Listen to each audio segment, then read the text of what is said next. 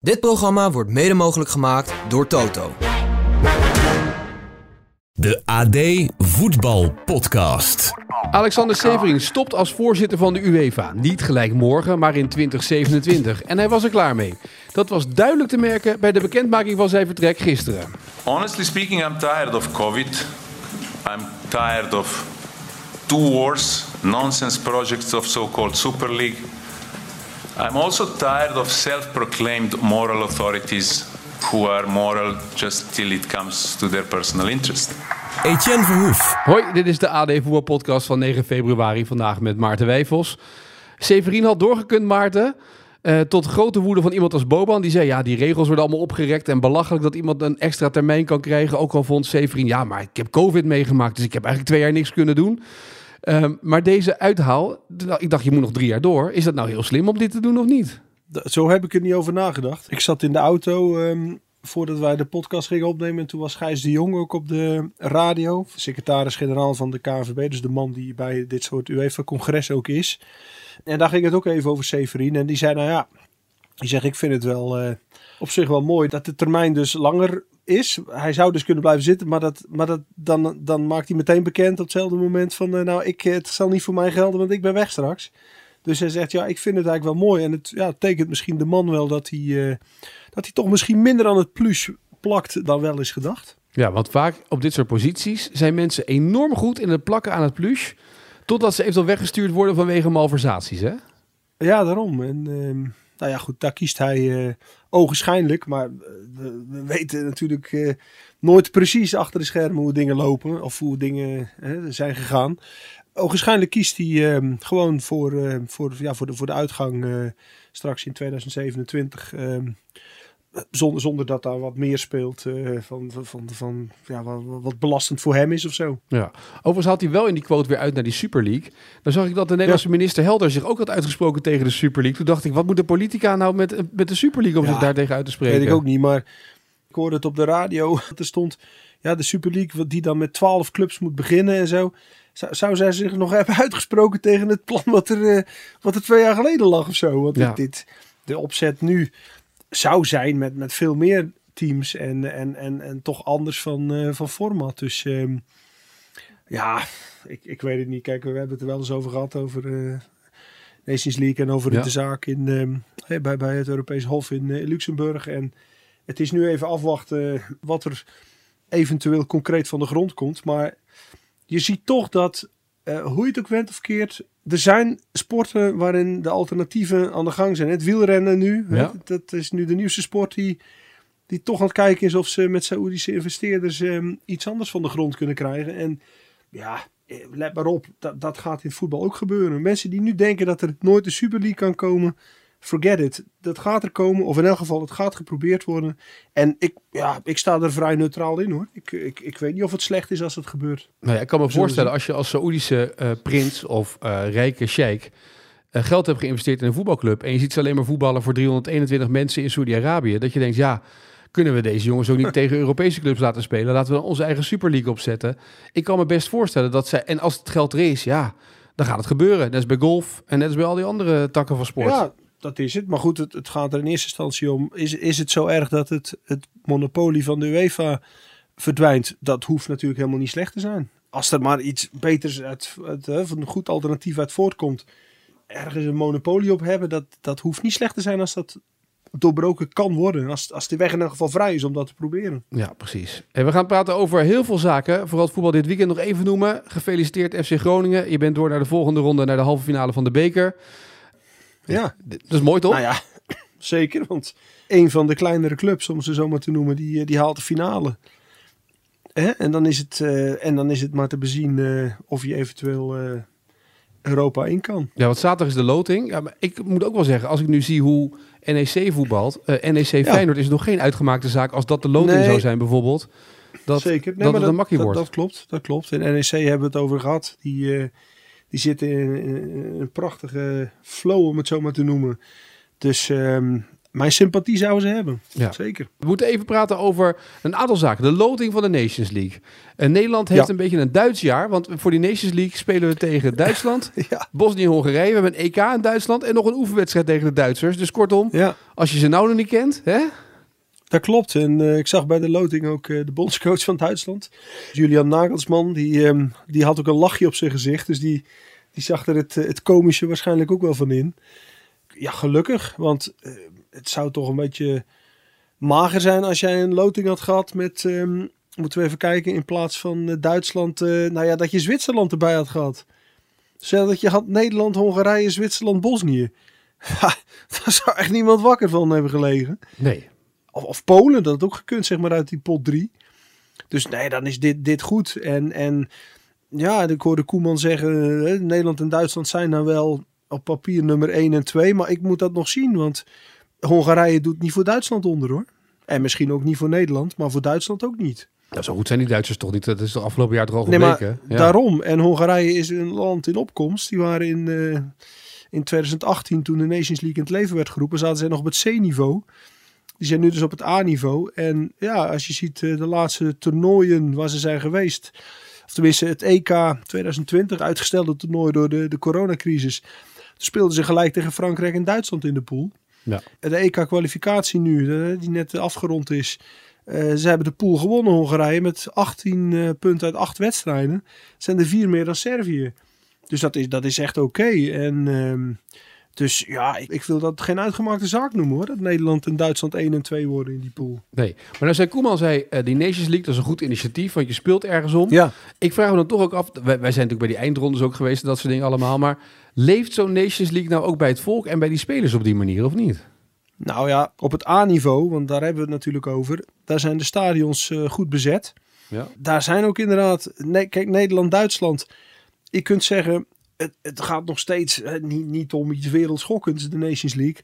Maar als Nederland-Duitsland een, een oefenduel is, heeft het toch minder cachet dan nu met de Nations League. Waar je, eh, je kunt een beker winnen. Ja, la- laat sporters een beker winnen. En, en ze spelen toch voor een beker in de prijzenkast. Het heeft wel degelijk meer cachet dan, ehm, dan, dan, een, dan een gewone oefenwedstrijd. Kijk, je kunt, je kunt erover twisten of dat op het B- en C-niveau ook zo is. Als jij nu Engeland bent, Engeland zit op het, ehm, op het tweede niveau. Ja, eh, ik denk niet dat, eh, dat publiek daar eh, warm loopt voor de, voor de Nations League, het, eh, het B-level. Nee. Maar goed, dan moet je maar zorgen dat je niet degradeert. Maar ik vind het ook een, een, een verrijking hoor, omdat anders, hoe dan ook, er moeten interlands gespeeld worden. En anders zou je oefen eh, vriendschappelijke potjes spelen. En dan is dit, eh, ja, dit heeft wel meer. Dus eh, prima. Zouden de clubs er ook blij mee zijn? Want die, die klagen juist. Bij die, al die spelers klagen de afgelopen zomer al. Ja. Dat zeiden, ja, ik moet zoveel wedstrijden spelen per jaar nu. Dat is zo. Alleen wat ik zeg, anders speel je oefenwedstrijden. Ja. Je speelt ze toch. Dus, ehm, en misschien dan ietsje minder. Dat, dat zou kunnen. Want nu is er ook bijvoorbeeld een kwartfinale bijgekomen in de Nations League. Dat, dat hoeft van mij dan niet. Je zou zeggen gewoon de nummer 1 en dan een Final Four. Maar hè, nu gaan ook de nummers 1 en 2 uit een pool gaan door. En de nummer 3 speelt promotie-degradatie. Dus ja, het, het wordt wel... ehm, de, de wedstrijdkalender wordt wel uitgebreider, dat klopt. ja. Want dat snap ik dan weer niet. Als je dan echt die spelers wil beschermen, laat het Ja. dan gewoon zoals je het was met de groepswinnaars en klaar. Ja, Maar haal al die kwartfinales, dat soort dingen allemaal weg dan.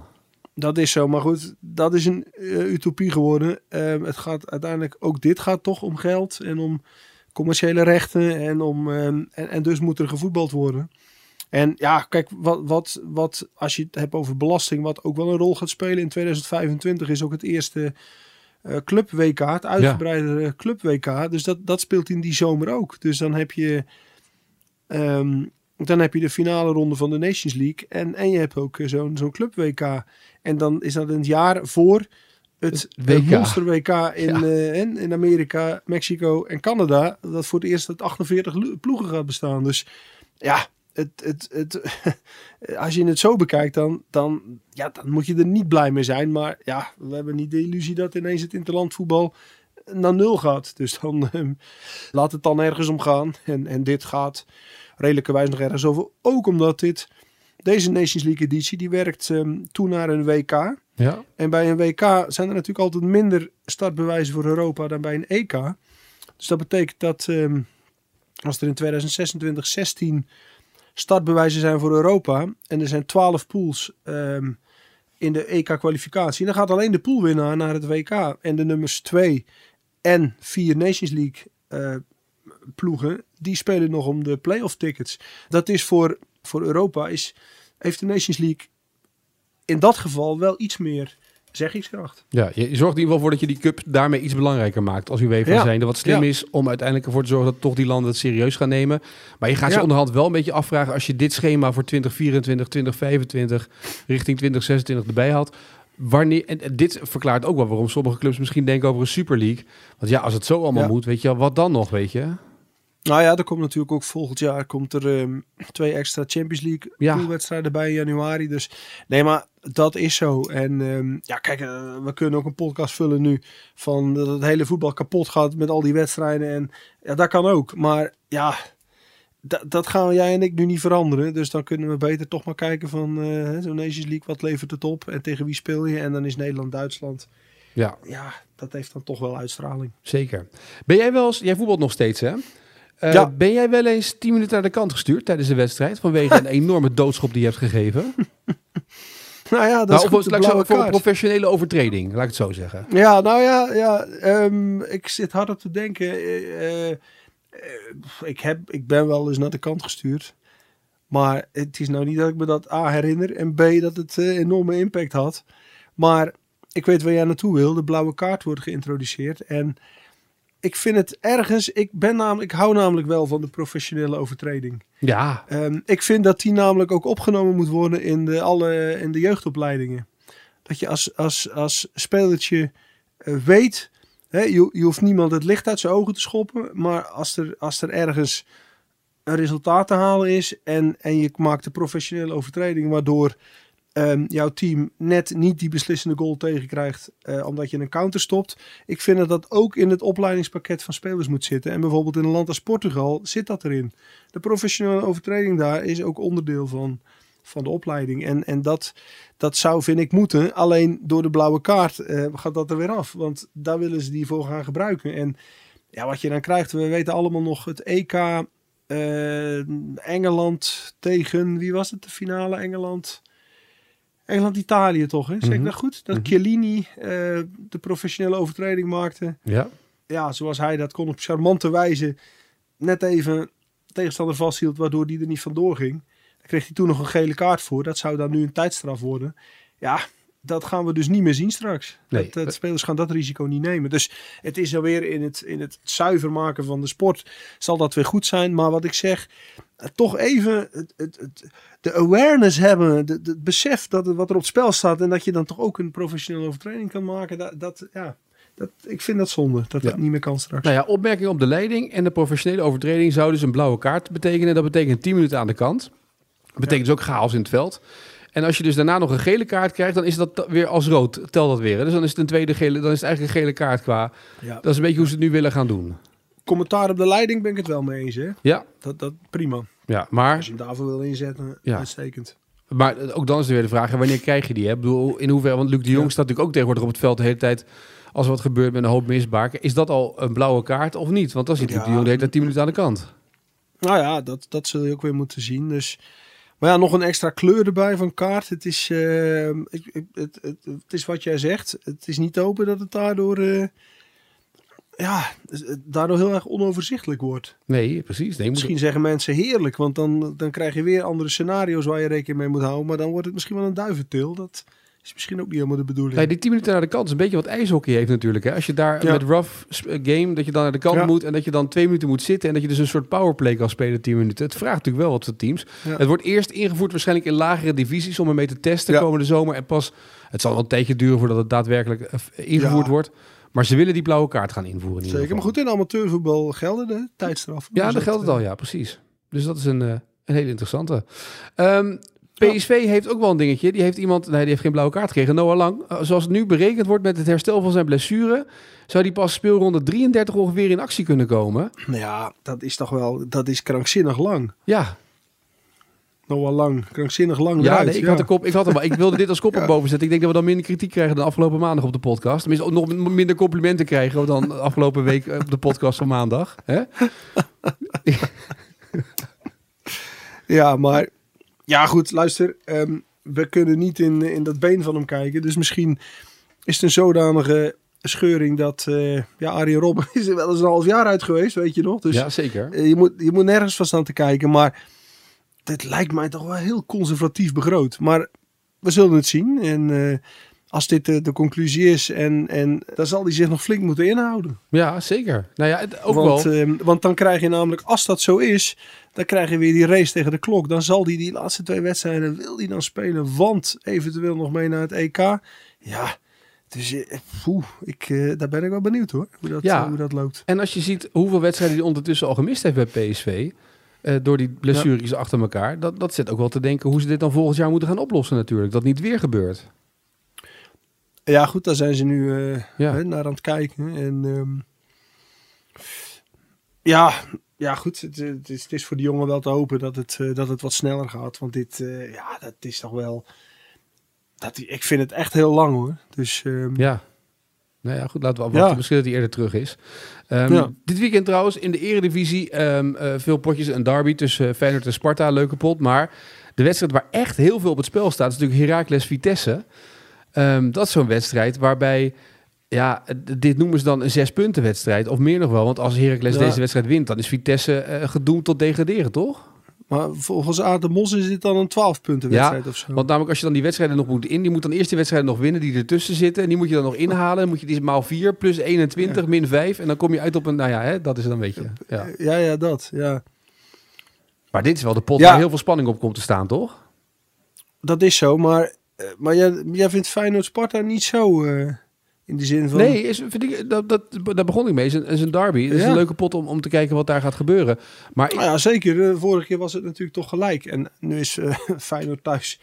Dat hebben we gezien tegen AZ. Dat dat echt wel een, uh, wel een verschil maakt. Feyenoord mist nu natuurlijk toch even een paar spelers. Ja. En, um, Tipper er niet bij, Trauner niet bij, Bijlo niet nou, bij. Je hebt nu toch gezien dat, dat uh, Trauner wordt toch kwetsbaar. Ja. Dat, dat is onmiskenbaar. En um, nu kan het zijn dat hij hartstikke goed vervangen wordt. Maar het is wel in je as. En de keeper weg die goed vervangen wordt. Want Welreuter is, is echt een eerste keeper. Dit, dit, je ziet aan alles. Geweldig, goed, goede uitstraling. Zekere factor. Die spelers, dat is ook geen enkel probleem. Die, die zijn helemaal niet ver, verrast van... Oh ja, er staat een andere keeper, moeten we even wennen. Dat ziet er echt goed uit. Maar goed, het is wel even je as. Uh, je mist een paar spelers. En uh, ja, je spits. Um, nou ja, la, laten we zeggen, Jiménez, jongen. Die schiet er tegen Sparta schiet hij er vast weer drie in. Nee, je, je durft niks meer te zeggen. Even, dan, zijn, dan, zijn we, dan zijn we weer tevreden in Rotterdam. Ik moet even één ding ja. zeggen. Over, wat, er, was ook, er is ook een podcast geweest, een Feyenoord podcast, waarin wij uh, compleet, nou ja, ja met, nou, ik wou zeggen, met veren in, in de kont nou, ongeveer behandeld zijn. Want het was zo'n leuke podcast, die AD Voetbal podcast. Altijd een feest om naar te luisteren. De podcast die mensen als eerste opzetten natuurlijk. En vooral jij, jouw wijze woorden over Jiménez en, uh, en Jurgensen. Die zijn ontzettend goed ontvangen in Rotterdam, kan ik je zeggen. Man, daar hebben veel mensen nog over nagepraat. Dat zeiden, ja, heeft die Wijfels toch gelijk in zich. Wat een, wat een kenner, wat een blik op voetbal heeft die man toch eigenlijk. Hè, het was niet zo dat ze zeiden dat je, dat je een andere hobby moest gaan zoeken. Ik wil dan jingle maken, Niet, hè? met Wijfels. Maar dat heeft geen zin. Nee, Nee, ze waren helemaal met je eens waren ze in Rotterdam. Nee, maar Feyenoord supporters zijn altijd heel... Ik vind die het meest reëel. Die, Ja. zijn, die zijn echt van alle supporters in Nederland Ja. altijd reëel. no- nooit verongelijkt. Nee. Prima. Nee, en ook mooi dat ze vonden ook dat wij in die podcast ook van die, van die diepgaande, diepgaande Ja. vragen stellen. Niet van die obligate vragen, dus dat is prima. Dus, maar dat gezegd hebbende, nee, maar het zit natuurlijk wel bij Feyenoord zit er iets in van ja, wat nu dan? En, en, maar hetzelfde geldt voor Sparta. Dat begon heel goed. Ja, ja. Maar ook daar is het glad een beetje Nee, ingekomen maar de daarom, weken. daarom is, dit, is dit wel een... eh komt best op een, eh, op een leuk moment in het seizoen. En, en ja, kijk, FC Twente... eh, die hangen er natuurlijk toch ook nog steeds aan voor, Ja. de, voor die plek 2. En die hebben wel een moeilijk programma. Nou, spits weg, andere spits terug. Dat, dat moet even blijken of dat snel eh, in elkaar valt. Maar ik weet niet of Twente zoveel, zoveel negatieve druk heeft. En dat die eerder een positieve druk hebben van... Oké, st- stel dat het Ja. nog kan. Dus Maar Ja. Twente speelt uit bij Excelsior. En toen bedacht ik mij, ik was de cijfers een beetje aan het kijken van Twente. En die pakken uit echt. Het is een wereld van verschil. Als je die statistieken gewoon, als je die, die, ranglijst, die wedstrijden dit seizoen erbij pakt, denk je, hoe kan die ploeg thuis zo goed zijn? En uit Ja, maar dat, dat, dat blijft. maar ook het, het fenomeen uit en thuis. Ehm, ik vind ook AZ. Als je nou toch op zondag het kunt opbrengen om thuis zo te spelen tegen Feyenoord. ehm, waarom moet dat dan uit toch zo anders zijn? Want het begon al voor de wedstrijd dat de trainer dan zegt: Ja, ehm, kijken of we in de kuip ook een paar keer hetzelfde kunnen brengen. Of dat we een paar keer voor het doel kunnen komen. Er wordt al anders gepraat vooraf. En ja, nu is Pavlidis er niet bij. Maar de AZ zag er echt heel anders uit. Ja. Die bekerwedstrijd of de competitiewedstrijd. En voor je gevoel, ik weet niet hoe jij hebt zitten kijken, maar voor je gevoel hadden ze de witte vlag al gehezen vooraf. Ja, dat, dat blijft toch een beetje gek, vind ik hoor. En, en eh, maakt het misschien ook nog even los van AZ, maar gewoon in algemene zin. Uit en thuis. Eh, Het is zo dat het verschil maakt, maar het zou toch vaak eh, toch iets minder verschil moeten maken. En ehm, dat, dat blijft een van de, van de interessante zaken in voetbal. Volgens mij is daar echt nog een wereld te winnen in psychologie, in preparatie, in, in ja, noem het maar op hoe je, hoe je het verschil tussen uit en thuis, eh, hoe je dat toch kleiner maakt. Ja. Alleen al in, in het hoofd van spelers. Ja, precies. Nou goed, dat gezegd Ja. hebben. Maar dan Heracles tegen Vitesse. Want beide Ja. ploegen zoeken eigenlijk met de spelers die ze binnenhalen naar een soort van vastigheid. Eh, Voor Vitesse toch echt een laatste strohalm dit. Nou ja, als je ze van, de- van de week hoorde praten van eh, we waren het shirt niet waard. En dus die, die, die, die moeten ontploffen dit Ja. weekend. Alleen ja, je kunt zoveel willen als, ehm, als die spelersgroep dat onderling niet opbrengt of, of kwalitatief niet opbrengt. Ja, dan, dan, dan, dan blijft het moeilijk. Alleen als je het niet erg vindt. ehm, ik, eh, ik vind het niet erg om hier vragen over te beantwoorden. Maar het is ook Bayern Leverkusen, Bayern München. Dat weet ik. Dat staat hierna op het Ja. lijstje. Maak je geen zorgen. oh, sorry. Maar ik wilde even, oh, sorry. sorry. Ik wil eerst even de eredivisie afvinken. En Oh ik snap ja. dat jij dan door wilt naar Bayer Leverkusen tegen Bayern München. Want zondag, zaterdagavond hoef je de familie Wijfels niet te bellen. Je hebt alle afspraken afgezegd. De Ja. familiebarbecue gaat door zonder jou. Want jij zit voor de buis. Gewapend met een bloknootje voor Bayer Leverkusen Bayern München natuurlijk. Nou ja, absoluut. Omdat je de, de bekerwedstrijd deze week van Leverkusen tegen Stuttgart, ja, dat was al fantastisch. En nu komen de twee meest productieve ploegen uit eh, de top 5 competities van Europa. Gemiddeld 2,6 goals en, en 3,0 of 3 goals per wedstrijd. Die komen tegen elkaar. En, en ja, dat Leverkusen, ja, we hebben het al eh, vaker over gehad. Daar zit, een, daar zit een vrolijkheid in. Daar zit een, een, een, een, een teamspel in. Daar zit een, een, een, ja, die Jeremy Frimpong afgelopen dinsdag, zoals die nu speelde. Ja, die moet in het Nederlands elftal. Daar, daar, daar, daar is niet zoveel discussie over. Alleen goed, hij heeft aan de rechterkant ehm Denzel Dumfries voor zich. Ja. Die natuurlijk prachtig heeft gedaan. Alleen bij Inter momenteel speelt hij bijna niet. Dus eh, dat, dat zou toch zomaar een, een discussiepunt kunnen zijn als dat blijft duren. Ontzettend vaardig aan de bal. En ja, Florian Wirtz, dat is misschien wel het grootste talent van Europa momenteel. Ja. Ja, het is, het is echt leuk om te zien. En bij Bayern, ja, Bayern blijft Bayern om het zo maar te zeggen. Dan komt Müller weer eh, langs en eh, die gaat dan voor eh, overwinning 501. Kan ook zomaar. Dus ehm, ja, mensen, als je, als je toch kunt kijken, Fireplay, ehm dan zou ik het zeker doen. Er gebeurt natuurlijk genoeg in deze competitie in Duitsland. Bayern München is al twee jaar niet meer het ongenaakbare Bayern. Ehm, Kan je zeggen dat als Leverkusen deze wedstrijd wint, dat ze daarmee zo'n boost krijgen richting die eindstreep, dat ze eens een keer niet tweede worden, maar dat ze echt een keer eh, kampioen kunnen worden? Je zou denken, als, als, als ze nu vijf punten voorkomen, dan is het echt nu of nooit.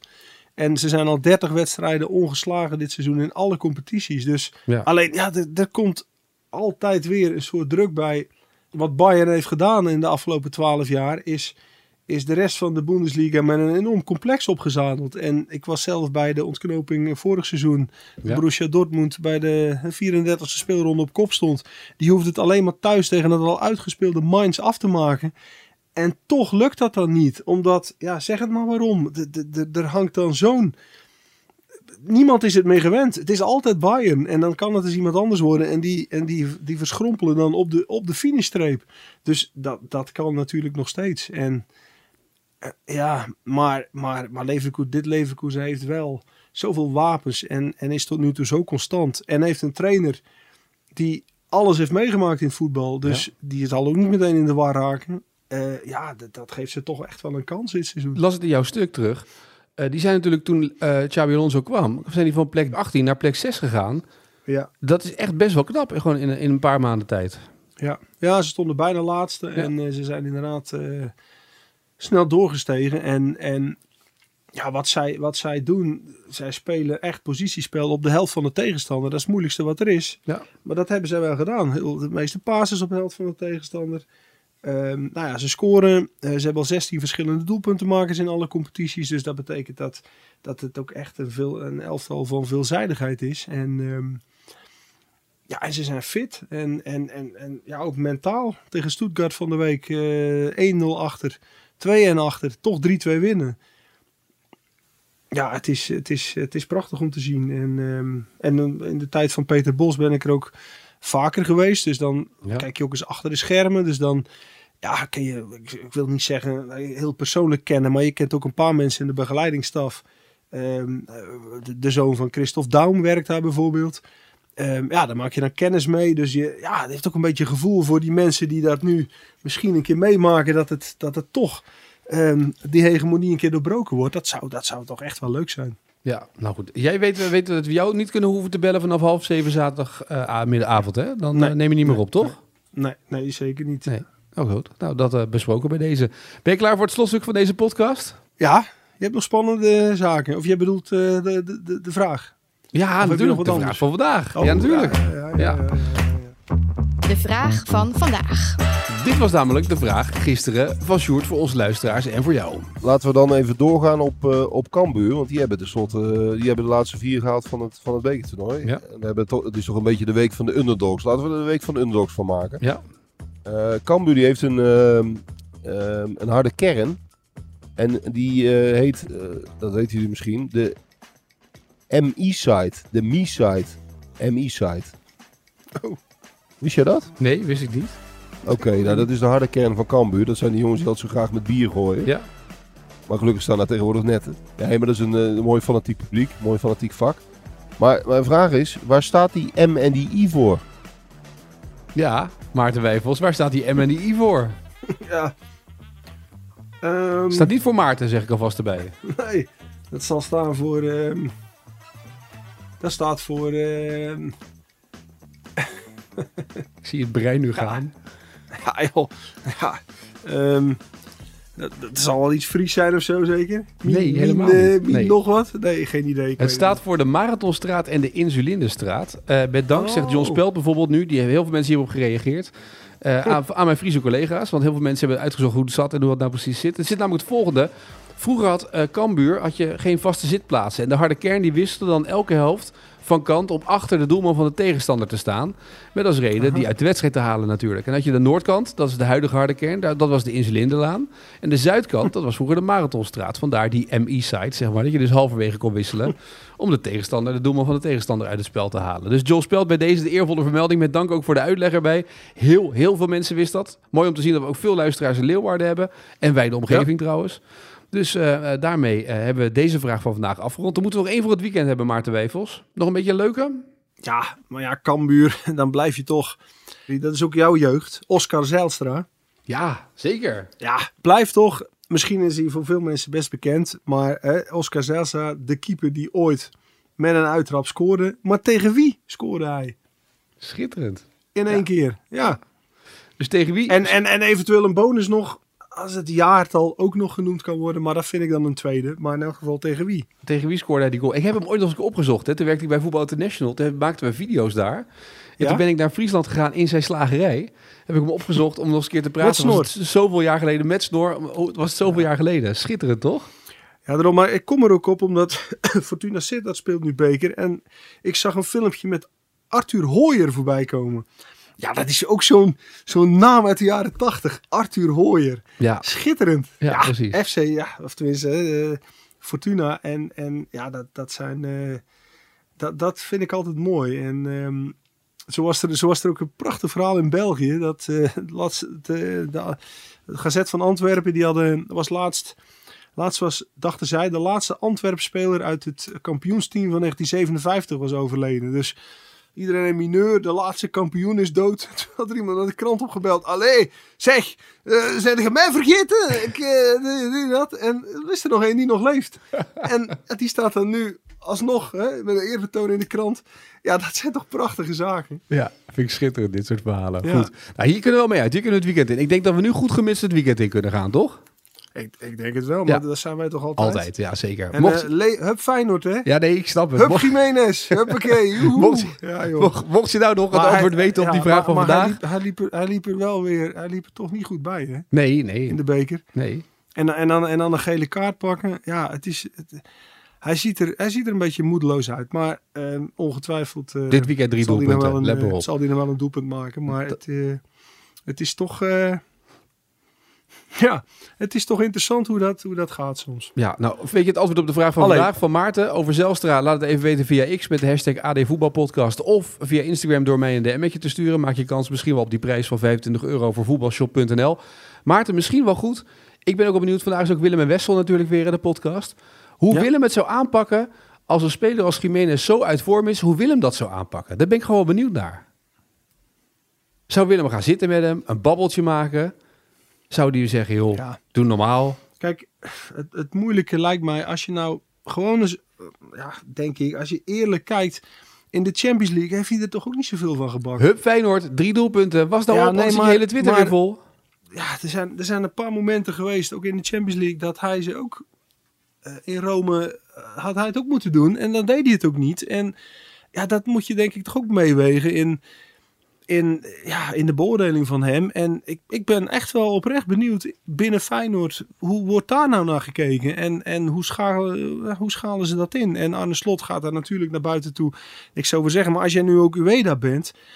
Je hebt net ook die Azië Cup eh, Ja. gehad. Ja, het zou, het zou toch niet zo gek zijn. Die jongen verdient toch eigenlijk wel een kans. Dat, dat, dat is toch, daar zeg je toch niks geks mee. In topsport, Ja, op een gegeven moment als je niet presteert, dan krijg je een keer dat je eh, een keer op je zou het wel eens willen zien. En, Ja. en het is ook interessant. Ik zag ook iets voorbij komen dat Feyenoord supporters dan aan Luc de Jong verwijzen. Ja, maar die scoorde ook een tijd niet. En zie eens dat. Luc de Jong bij PSV raakte gewoon zijn basisplaats kwijt. Hè? Ja, Op een gegeven moment zou Luc de Jong verkocht worden. Aan, eh, eerst aan Bordeaux en daarna aan een club in Mexico. En dat is uiteindelijk alleen maar niet doorgegaan. Omdat, ehm, ehm, hoe heet die, eh, Jurgen Locadia. Daar kwam ineens een bot uit Engeland op wat niet, ja. niet te weigeren was. En toen zeiden ze bij PSV, ja maar wacht even. Er kunnen, er kunnen niet twee spitsen weg in de winterstop. Dus dan Luc, dan moet jij blijven. En is Locadia gegaan. Maar zo gaat het toch in sport? Ja. Het is toch ook helemaal niet erg. Als Ueda nu zou gaan spelen. Dat is toch eigenlijk gewoon hoe het, hoe het zou moeten werken in de, in, de, in de voedselketen van het voetbal. Dus ehm, ja, eh, ik ben wel benieuwd hoe dat, eh, hoe dat verder gaat. Maar gaat het nou positief uit? Zeg nog even nog één keer. Zo is het. Drie goals van het weekend. Heel goed. Maarten, dankjewel. Ik wens je een mooie dag. En eh, Goed. tot de volgende. Is goed man. Hoi hoi. Dit programma werd mede mogelijk gemaakt door Toto.